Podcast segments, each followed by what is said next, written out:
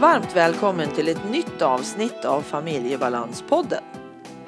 Avsnittet görs i samarbete med Comicap, hjälpmedelsföretaget som vill genom mötet med människor förmedla kunskap, väcka nyfikenhet och visa på behovet av kognitiva hjälpmedel och sinnesstimulerande produkter. Du hittar dem på comicap.se. Klicka in dit så hittar du de föreläsningar, temadagar och andra event som de kommer att hålla under första halvan av 2019. Det här avsnittets gäst det är Niklas Forsberg. Han är nutritionist och kommer att berätta om kost i allmänhet och även vid MPF. Och det viktigaste som jag tänker med detta avsnitt det är att kosten är viktig men jag vill ta bort den skuld som kan uppstå när ens barn med MPF inte har tid att äta eller kanske medicinerar och inte har lust att äta. Allt känns kanske jätteäckligt. Och då gäller det att få till lusten att äta någonting. Och hur man ska tänka då, det kommer Niklas att berätta. Och kost och mat är ju ett otroligt laddat ämne. Det är väldigt mycket tyckande hit och dit. Vad ska vi äta och vad ska vi inte äta och hur nyttigt är det och hur onyttigt är det? Och, alltså det är jättesvårt tycker jag att vara riktigt säker på vad är helt rätt. Men Niklas berättar utifrån sitt perspektiv som nutritionist. Så nu tar vi det tycker jag. I den här inspelningen av det här samtalet så blev det lite knöggligt kan man säga på Hälsingemål med ljudet. Så att jag hoppas ni har överseende med det. Och sist i avsnittet så kommer ju boktipset. Och Ann-Katrin Noreliusson heter jag som driver den här podden och jag vill med podden och mitt arbete förändra situationen för personer som har en eller flera MP-diagnoser. Och det gör ju jag genom att föreläsa, coacha och handleda personalgrupper. Och allt för att öka kunskapen och bli bättre på förhållningssätten inom MPF. Och du vet väl att du kan gå en webbkurs hos mig? Och det är ju för dig som är anhörig till någon med tvång. Nästa omgång startar 29 april, nu alltså 2019. Och kursen den kan du gå var du än befinner dig. Hittills så har den nått ända bort till Kanada jag är så glad att jag får hjälpa till i den extremt svåra situationen som man är när man är anhörig till någon som har tvång, alltså OCD. På familjebalans.se i menyn finns det tjänster. Klicka på den så kommer du att kunna anmäla dig för att få mer info om kursen. Men nu kör vi! Så här kommer Niklas och mitt kostprat.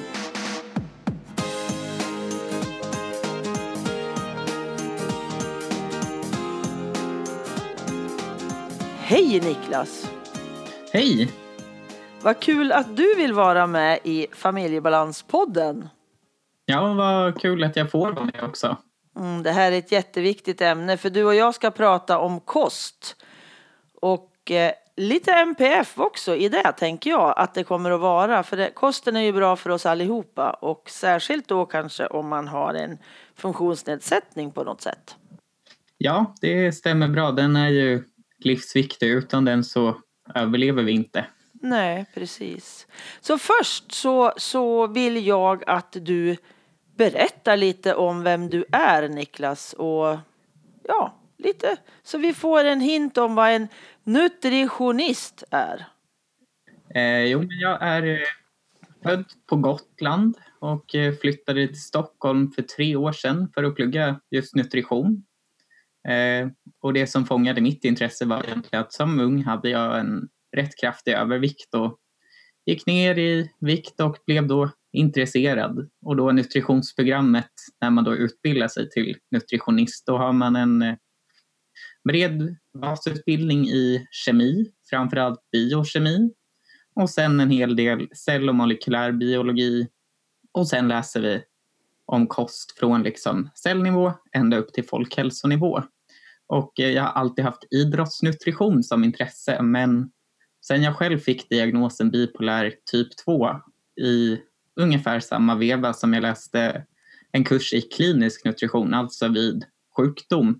Mm. Så eh, då skrev jag om just bipolär sjukdom och kom även då i kontakt med schizofreni och Tourettes och andra ja, neuropsykiatriska eh, sjukdomar. Mm. Och tyckte att det var ett väldigt spännande område som var väldigt ostuderat. Men det fanns vissa saker som ändå är bevisat och vissa där man har hypoteser om ja, hur man bör äta och leva för att optimera möjligheten att leva friska perioder. Mm. Jättespännande låter det tycker jag. Att få lyssna till dina kunskaper.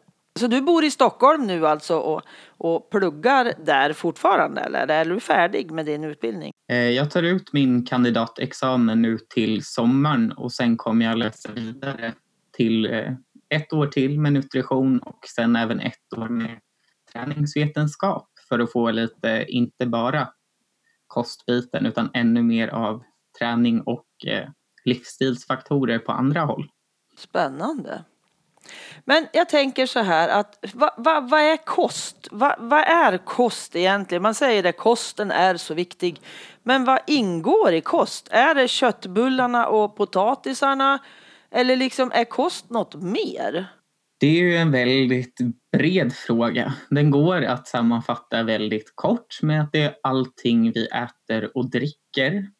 Eh, sen kan man förlänga det lite till när vi äter och dricker och sen kan man också gå in på verkligen, ja, är det kolhydrat, fett, protein, vitaminer, mineraler och så vidare. Mm. Men jag tycker att eh, man ska alltid se det som en helhet och inte ta en enda liten faktor utan det krävs att få en bred bild för att förstå hur det påverkar, vad kosten är, vad den består av och så vidare. Så det är komplext för det påverkar så mycket och det finns många faktorer som påverkar kost. Mm. Ekonomi, kultur, bakgrund. Väldigt brett. Mm. Men alltså även om vi säger så här då, du sa det vi äter och dricker, alltså tuggar och eh, dricker då kan man ju säga. Men ingår det då också alltså läsk, är det kost? Ja, det blir ju om det ingår i ens ja, energiintag. För då är det framförallt sockersötad läsk. Men det är ju också en dryck så att även light-varianter påverkar ju till viss del även om det är klart stora skillnader. Men det Mm. ingår ju i ens kost. Sen är det inte jättenäringsrikt. Det är väldigt näringsfattigt och sockerrikt så att det är ju inte den bästa livsmedlet. Men det ingår i kost också. Det får man ta i beräkningen. Mhm. Precis. Så alltså kosten är ju basen för våran överlevnad. Det stämmer bra. Vi behöver energi för att inte svälta och sen behöver vi vitaminer och mineraler för att ja, kroppens celler ska kunna fungera och kommunicera. Mm. Men när jag tänker, hur ska jag veta som vanlig dödlig vad liksom, vad får jag i mig det jag ska av det jag äter? Eller hur, hur, hur vet jag vad jag ska ta bort eller fylla på med, tänker jag. Ja, det är en eh, knepig fråga att besvara. När jag eh, hjälper individer, eh, ja, har direktkontakt med dem så tycker jag om att eh, ja, men, antingen köra ett formulär med ungefär hur ofta äter du kött eller mjölk eller ägg eller frukt och grönt. Men det är svårt för dels minns vi inte och vi får då chansa på att ja, men jag brukar äta kött kanske si och så ofta eller så. Men eh, jag skulle säga att äter man en varierad kost där man får i sig frukt och grönt, mejeriprodukter, ägg, eh, baljväxter och så vidare så brukar inte vara något problem. Särskilt om man äter dem som ja, råvaror, att man står där med sin broccoli och sin potatis istället för att kanske äta pommes frites och en färdig hamburgare så Mm. får man i sig väldigt mycket näring men det gäller att variera för att få i sig olika vitaminer och mineraler och antioxidanter men också undvika eventuella gifter som finns i maten. Mm. Maten har ju blivit väldigt komplex tänker jag. Det är ju förbaskat svårt att, alltså vi får ju så mycket kostråd från alla jädra håll. Så jag tänker att för väldigt många människor är det svårt att vara riktigt säker idag. För jag tänker på, man får ju mycket, eller man säger jag, jag läser ju och ser att ja men idag så är det ju liksom Äpplena innehåller ju inte det de gjorde för 50 år sedan och apelsinerna är ju i princip ingen idé att äta. vad säger du om sådana liksom, kommentarer som man kan se? Sätter fingret på någonting som är ett stort problem i vårt samhälle idag. Det kommer väldigt alarmistiska påståenden och absolut, det skiljer sig i näringsinnehåll. Men ofta så är det studier av låg kvalitet och eh, jag skulle säga att om en apelsin säger att den innehöll 75 milligram C-vitamin som är det rekommenderade intaget och att den då idag skulle innehålla 60 milligram. Det är inte jättestor skillnad och förhoppningsvis förlitar man sig inte på en källa till hela vitamin och mineralintaget eller energiintaget. Mm. Så det är ett stort problem. Det vilseleder folk och jag har föreläst om matmyter just för att nyansera upp kostdebatten och inse att vissa saker stämmer till viss del. Men mycket av det som då kommer på löpsedlar eller så vidare är Ja, de gör oftast mer skada än nytta för det skrämmer upp folk och får dem att äta en mer ensidig kost. Det är det motsatta till vad vi vill och rekommenderar. Mm. Ja, man blir jätteförvirrad, eller jag blir jätteförvirrad ibland. Men det ju, gäller ju som med allting då, alltså källkritik är jätteviktigt. Det stämmer och problemet är väl att kost är någonting som vi måste få i oss så att folk kanske inte därför, folk har det som ett intresse definitivt, men mm. folk är inte alltid så källkritiska för att de lär sig inte det från grunden och min yrkes tillhörighet då som nutritionist, vi är lite dåliga på att ta plats och verkligen säga ifrån när det kommer sådana här felaktiga alarmistiska påståenden. Vi måste ta större ansvar faktiskt för att visa vad är rätt, vad är fel. Men det är ju aldrig rätt eller fel heller utan allting handlar om för vem, hur mycket, när och så vidare. Det gäller att verkligen visa att det finns inte ett ja eller nej svar på frågor nej. i regel utan en kost den består av så många komponenter så att det blir knepigt att förmedla sanningen inom citationstecken. Mm. Utan vi får försöka förmedla så mycket som möjligt utan att det blir för komplext för att folk ska orka lyssna och förstå. Så att det är knippigt att mm. verkligen mm. vara tydlig och ge en så rättvisande bild som möjligt. Mm. Tyvärr. Det är väldigt svårt att förstå som vanlig dödlig. Alltså alla de här rapporterna som kommer och det, det vrålas åt alla håll och ibland så känner jag mig helt slut när jag tänker på ja men alltså vad fan ska jag äta då? Typ så. Men jag tänker att om vi, vi växlar över också och tänker lite MPF och kost. För där är det ju ofta väldigt stora problem, både att ungarna inte äter eller överäter. Och just det här med hur, hur, hur ska jag förhålla mig? För jag tror att det finns så mycket skuld också i de här, alltså hos oss föräldrar. Jag är ju förälder själv och har haft små barn. Och skulden var ju enorm både när de åt för mycket och när de åt för lite. Just att jag ska ju styra deras matintag. Men hur ska man tänka? Har du något enkelt eller tar det två dagar att gå igenom? Hur, hur ska vi tänka som föräldrar liksom? Jag kan göra ett så bra försök som möjligt. Mm, det är bra. Ehm, men jag tror att det viktiga är att se individen det gäller. Att verkligen försöka förstå vad kan individen äta och vad kan den inte äta? Vad äter den för mycket utav? Vad äter den för lite utav? Och försöka ja, men hitta vad funkar för individen. Mm. Och i vissa fall så äter man ingenting en dag och nästa dag överäter man. Men vi Mm. är, alltså alla individer är rätt duktiga på att kompensera om vi äter för mycket i till och med en hel vecka. Men då kompensera ut över två, tre kommande veckor. Okej. Så det gäller att inte skuldbelägga, för även jag som då har bipolär sjukdom typ 2, jag äter inte perfekt. Allra helst inte när jag har sjuka episoder. Nej. Men jag försöker göra det så bra som det bara går Mm. efter de förutsättningarna jag har. Mm. Jo men precis.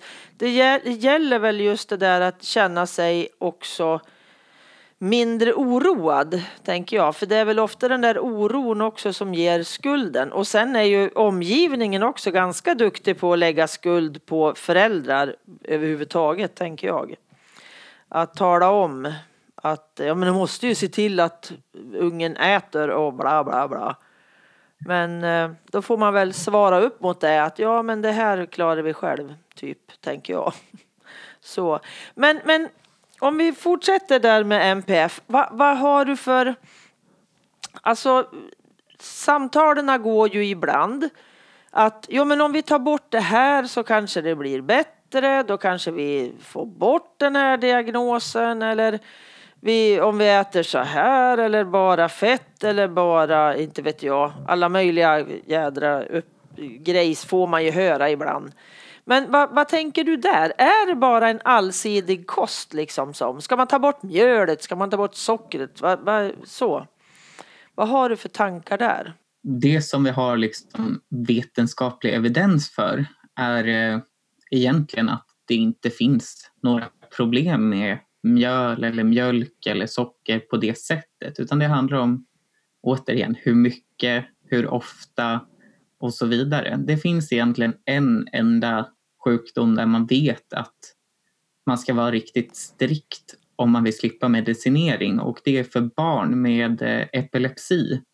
Där ska man äta en strikt lågkolhydratskost om man då inte vill behöva medicinera. Men det funkar inte ens för dem, utan det gäller att hitta en balans. Äta av ja, så god kvalitet som möjligt. Våra kostråd som gäller för gemene man, det räcker gott och väl att försöka följa dem initialt och sen försöka optimera kanske. Mm. Så det är väldigt svårt. Men you do you. Om man upptäcker att mjölk inte funkar eller att det blir bättre utan mjölk så absolut kör på. Mm. Men vi har ingen evidens för att alla ska göra det. Nej. Det finns liksom ingen, nej, det finns ingen forskning som, som säger gör si eller gör så för då blir det bra eller det där blir dåligt. Så mer än att ät allsidigt. Exakt. Det... Sen ska jag också säga att det finns som sagt inte jättemycket forskning på alla olika MPF än. Men vad vi vet idag så är det ingenting som måste plockas bort. Men det är ett växande område så Mm. att det kommer nytt lite sporadiskt. För problemet är att kost kan man inte ta patent på. Ja, Det kan man göra på ett läkemedel. Mm. Så därför har läkemedelsindustrin mer stöd för sina produkter än vad det finns för kost. Mm. Men som sagt, det kommer mer och det är väldigt spännande att se i framtiden om vi får se starkare stöd för det vi säger idag eller om vi behöver omvärdera. Mm. Precis. Men jag tänker så där, om man skulle vilja testa då, hur, hur tänker du att man ska göra? Jag fick ett råd av en läkare en gång för det är vissa saker som jag märker att jag mår sämre av, men det är jättesvårt att sätta fingret på exakt vad det är. Och då sa han, ta bort allt och börja med en sak i taget. Men jag tänkte, jag kan inte ta bort allt jag äter. Det funkar ju liksom inte i en vardagssituation. Men hur skulle du säga, hur, hur gör man för att testa om jag mår bättre av att ta bort kanske kolhydrater eller ja, mjöl, mejeriprodukter eller vad det nu kan vara för någonting. Hur gör man rent praktiskt liksom? Ja, det rådet som du fick det använder dietister sig utav när de vill testa om man är allergisk emot någonting. Mm. För då kan det vara bra att utesluta allt i två veckor och sen introducera en sak. Men det blir som du säger, det blir väldigt knepigt och det sätter blir en stor belastning i vardagslivet. Mm. Så att jag skulle istället kanske försöka skära ner lite successivt, testa och se om det blir någon förändring. Om man inte märker någon förändring men att den här livsstilen ändå fungerar, då kan man skära ner kanske lite till. Eller prova att okej, okay, jag äter inte mejeriprodukter nu, men då istället för mjölk kanske man väljer sojadryck eller havredryck. Mm. Alltså att man hittar ett substitut och provar så att vardagen ändå fungerar utan att det blir någon större skillnad. Det Mm. blir lite skillnad när man går i affären för att man måste hitta till den nya hyllan. Men där kan man ändå testa om man vill. Jo, det gäller ju att, att... För jag tänker väldigt många familjer med NPF har det så otroligt tungt redan så att man kan inte lägga på så många fler saker som man ska fixa runt omkring och då blir det lätt att jag går enklaste vägen för jag orkar inte. Det går liksom inte att knöla in något mer att, att göra eller utesluta och så. Men jag tänker det här med alltså de barn som medicinerar tappar alltså med centralstimulerande då.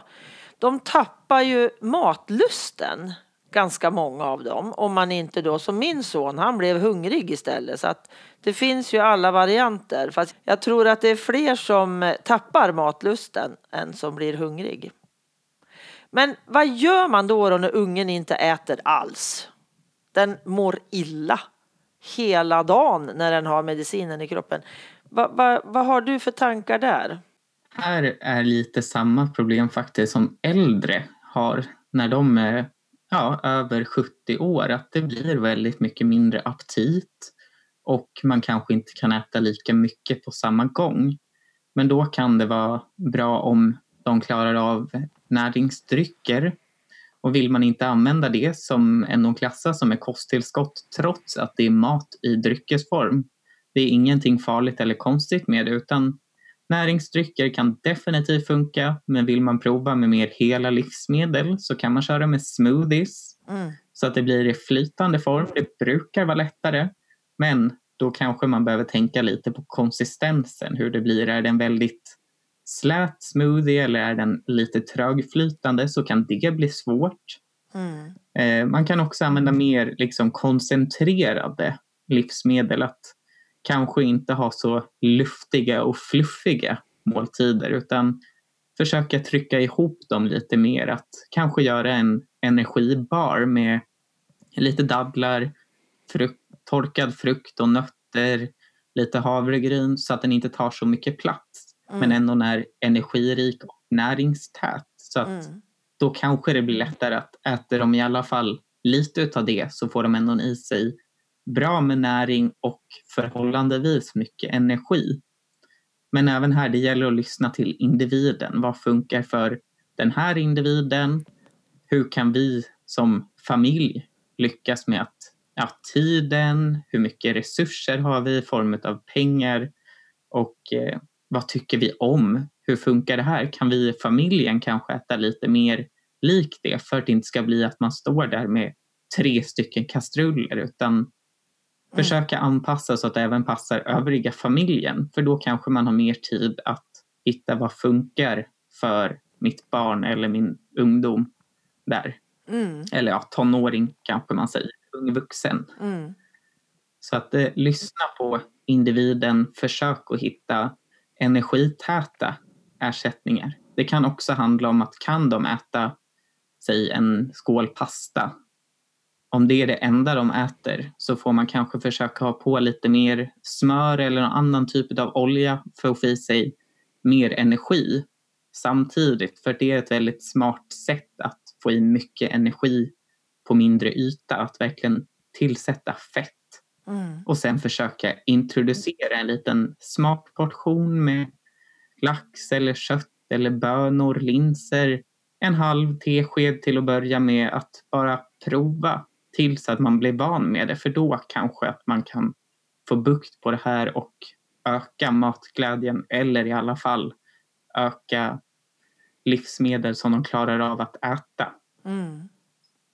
Och sen vet jag ju att eh, ofta så kan det ju gå bättre att äta innan man tar medicinen på morgonen eller sent på kvällen. När liksom inte medicinen är aktiv i kroppen.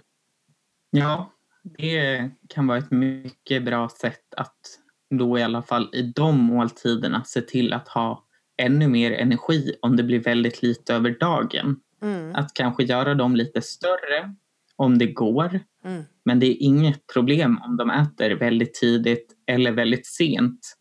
För det påverkar inte kroppen på något konstigt sätt och det lilla som det kanske skulle kunna påverka gör mer skada att bry sig om än att se till att de får i sig tillräckligt med energi. Mm. Jag vet våran son, han, under långa perioder så åt han ju i princip bara pasta och ketchup. Och så kanske det var en smörklick i, det minns jag faktiskt inte. Men jag vet ju hur folk ondgjorde sig över det där att ja men det är ju som om han åt, vad sa de för någonting? Ahlgrens bilar med kolasås på. Du kan ju inte ge han, du kan ju inte tillåta han göra det och det där lagade ju han själv. Det var ju liksom när vi inte var hemma. För att han var ju aldrig hungrig när vi var hungriga. Så att, eh, och jag vet att det här störde jättemånga av eh, människorna i våran omgivning att han fick äta så här. Men jag kände också det att det är ju bättre att han äter. Vad tänker du om det? Ja, du har helt rätt. Det är bättre att man äter något än inget. Och jag eh, har själv en syster som när hon var liten åt hon exakt samma sak. Det var pasta och det var ketchup. Det var vad hon åt sex dagar i veckan ungefär. Mm. Men sen, ja, med tiden så började hon äta annat och började ersätta de här. Men hon hade alltid det som någon form av säkerhet om jag minns Mm. rätt. Jag har ju inte upplevt det här utan hon är fyra år äldre än mig men det är vad jag har fått berättat. Mm. Men min mamma kände exakt samma sak. Det är bättre att man äter något än inget. Mm. Och när hon behöver någonting annat så kommer hon då att börja efterfråga det. Mm. Ja, min son äter det mesta idag så att det är inget problem alls längre för nu är han vuxen och hemifrån flyttad och sådär. Nej, jag tror den här skuld och eh, hur fel man gör, den känslan tror jag är jättedålig alltså. Men samtidigt så är det ju så, det finns ju då överviktiga barn också. Där man nästan behöver ha hänglås på kylskåpet för det äts hela tiden. Va, va, har du tankar där? Något tips eller råd eller så? I de fallen så behöver man ju sänka energiintaget och det kan handla om att de inte känner mättnad på samma sätt som en annan individ gör. Om det går att öka på med frukt och grönt så kan det vara ett bra alternativ att ha i lite mer i måltiderna så att det tar större plats i magen. Mm. Även att byta den vanliga pasta mot fullkornspasta ger mer mättnad och för många så smakar det inte lika aptitligt. Det kan smaka tillräckligt bra för att äta en normal portion, men sen är man nöjd. Så att det gäller att även där, ja, prova sig fram, men försöka att ha... För ett stort problem är ju oftast att man inte går och äter broccolin eller kokt ägg, utan man går och äter kakor, glass, bullar och liknande oftast. Och då kanske det är att man får köpa hem mindre utav det här. Eller på det sättet kanske göra lite mer hälsosamma varianter utav det hemma och se om det kan göra någon skillnad. För det är oftast inte hunger utan det är ett sug och det Mm. kan vara väldigt svårt att få bukt med. Mm. Men frukt och grönt och brukar alltid vara ett alternativ att ha hemma. Att Mm. kanske ha ett äpple istället för glass i frysen. Mm. Men det är svårt. Eh, för det handlar om så mycket mer än bara kost. Det handlar ju om psykologiska faktorer, om kulturella faktorer, det är emotionellt ätande många gånger. Så att det är svårt att sätta fingret på exakt vad det är. Det Mm. som kan hjälpa i vissa fall är liksom kognitiv beteendeterapi. Men det är inte alltid så lätt att ta in när man har någon neuropsykiatrisk diagnos. Precis. Utan det är knepigt. Mm. Ja, alltså maten är ju laddad. Ja, det är ju någonting som berör alla människor. Vi måste äta och därför anser alla att man får ha en åsikt även om vad någon annan äter. Mm, precis. Så att jag tror att det är viktigt att man försöker inse att det jag äter berör mig. Det någon annan äter berör inte mig. Men det är svårt att komma till den insikten när man då är frälst av sin egen kost. Gud vad intressant det är det här. Jag tycker det är så spännande med mat och just här i, i funktionsnedsättningsområdet liksom. För det finns ju jättemycket eh, diskussioner hit och dit hör man, men alltså det finns inte så himla mycket forskning än. Så att vi får invänta lite sånt och så får vi använda liksom sunt förnuft på något vis. Nu är ju det ett jädrigt luddigt begrepp, sunt förnuft, men alltså eh, vi får, jag tänker Livsmedelsverket har ju en sida. Är det något som man kan gå in och, och titta lite och sådär om man känner sig osäker eller vad tycker du där? Till allra högsta grad. De eh, baserar sina kostråd på nordiska näringsrekommendationerna Mm. där alla nordiska länders experter på kost går ihop. De kollar all data som finns kring olika områden för att sammanställa så bra kostrekommendationer som det bara går i dagsläget. Mm. Så det finns jättemycket bra att hitta där och det är ett väldigt... De har uppdaterat sin sida för att den ska vara mer lättförståelig och tilltalande att använda. Just för att folk ska börja gå in och verkligen ta till sig vad som står. Mm. Så att jag tycker definitivt att man kan kolla där. Och sen ett annat tips är att som sagt försöka ha så mycket råvaror som möjligt istället för färdiga livsmedel. Att om det går försöka laga så mycket mat som det bara går ifrån grunden. Och det är tidskrävande. Men då kan man kanske göra ett storkok utav maten. Att man kanske inte köper hem för dagen utan man köper hem större kvantiteter. Och när man lagar den där grytan så gör man fyra, åtta portioner extra och bara har i kylen eller frysen. Mm. För att det verkar som att ju helare råvarorna är ifrån början eller i alla fall ju mindre processade Mm. desto mindre, eller ja, inte mindre, men vi tenderar att äta mer efter vårt energibehov då. Mm. Det är inte helt bevisat, men det är någonting som verkar vara så att det verkar vara en trend i forskningen i alla fall att ju helare livsmedlen är, desto bättre. Mm. Istället för rostade nötter och saltade, om man äter de mer naturella, Mm. så tenderar man att inte överäta. Frukt och grönt överäter vi sällan.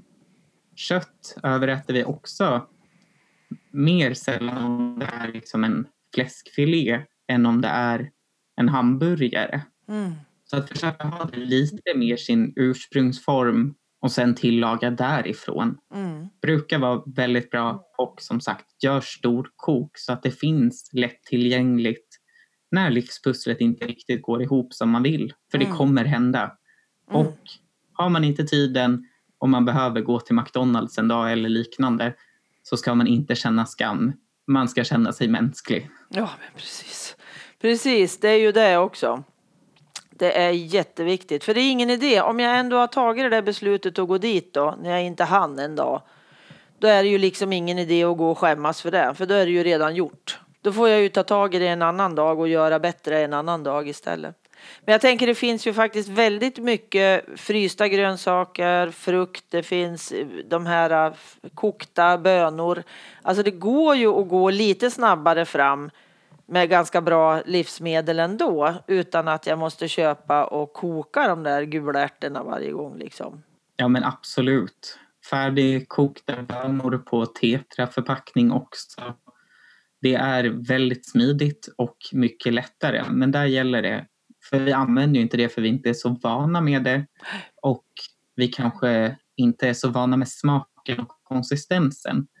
Så att tvärändra till enbart det Nej. tror jag inte kommer funka för någon i Nej. längden. Utan introducera lite långsamt. Mm. Men börja med dem också för att vi måste ha tiden och ja, om vi gör små förändringar som leder till en liten förbättring och när den då förändringen sitter, då kan vi göra nästa förändring. Mm. För då blir det inte lika krävande utan då får man det mer på rutin med små förändringar hela Mm. tiden, vilket i slutändan kan göra väldigt stor skillnad för både vad man äter men också hur man mår och ja, hela den biten. Mm. Jätte, jättebra tankar du har tycker jag. Alltså inte bara tankar utan du har ju kunskapen med dig från din utbildning. Alldeles strålande. Är det något som du tycker att vi inte har fått med som du skulle vilja lyfta innan vi avrundar? Ja, det är väl egentligen vad vi har bäst evidens för vad man ska göra för förändringar utöver det som vi har nämnt. Mm. Och det är kanske det vi behöver är, det vi har bäst evidens för är att ha rutiner vid olika NPFs. Att man försöker hålla tiden man går upp på morgonen och när man går och lägger sig. Men också vilken tid man äter på på dygnet och hur Mm. många måltider för det kan stimulera aptiten. Och även om man då har problem med överätning, håller man det här konsekvent så kan det bli att man går och småäter mindre. Mm. Och sen även försöka vara mer fysiskt aktiv. Det behöver inte vara att man går ut och springer eller att man går och tränar på gym. Utan det kan handla om att man leker lite mer vid en lekplats. Men Mm. att man ändå försöker få upp pulsen lite grann. Mm. Även det har vi väldigt bra evidens för att det funkar. Men det gäller då att få in det som en vana så att det inte blir för belastande för familjen i övrigt. Mm. Det är väl de två sakerna som jag tycker är viktigast. Och sen om man vill göra den här förändringen mot att äta mer i kostråden, till exempel äta mer fisk för att man vill få i sig mer omega-3, där vi också har hyfsat bra evidens för att det kan hjälpa. Mm. Eh, allra helst att korta ner perioder av sjukdom eller att göra dem mildare. Så kan ett steg i början vara att ta omega-3-tabletter Mm. Eh, att man successivt för in fisken men ändå får omega-3 under tiden. Mm. Så att det inte blir allt eller inget utan man kan välja ett alternativ längs vägen tills att de här rutinerna sitter. Precis. Så att gör små förändringar, ta de här hjälpmedlen när det finns. Om det blir för svårt att ändra det på en gång. Men känn inte skam när det fallerar. Nej. Det var en bra avslutning tycker jag. Tusen tack Niklas för att du ville vara med. Det här har varit jätteintressant och väldigt viktiga saker att prata om tänker jag. Vi behöver lyfta kosten mycket, mycket mer. Ja, men tack så mycket för att jag fick vara med och vill du ha mer input om kosten så eh, kommer jag gärna tillbaks någon gång igen om det är så. Jättebra. Mycket bra. Vi säger tack och hej till dig Niklas. Tack själv. Så hörs vi kanske igen. Det hoppas jag.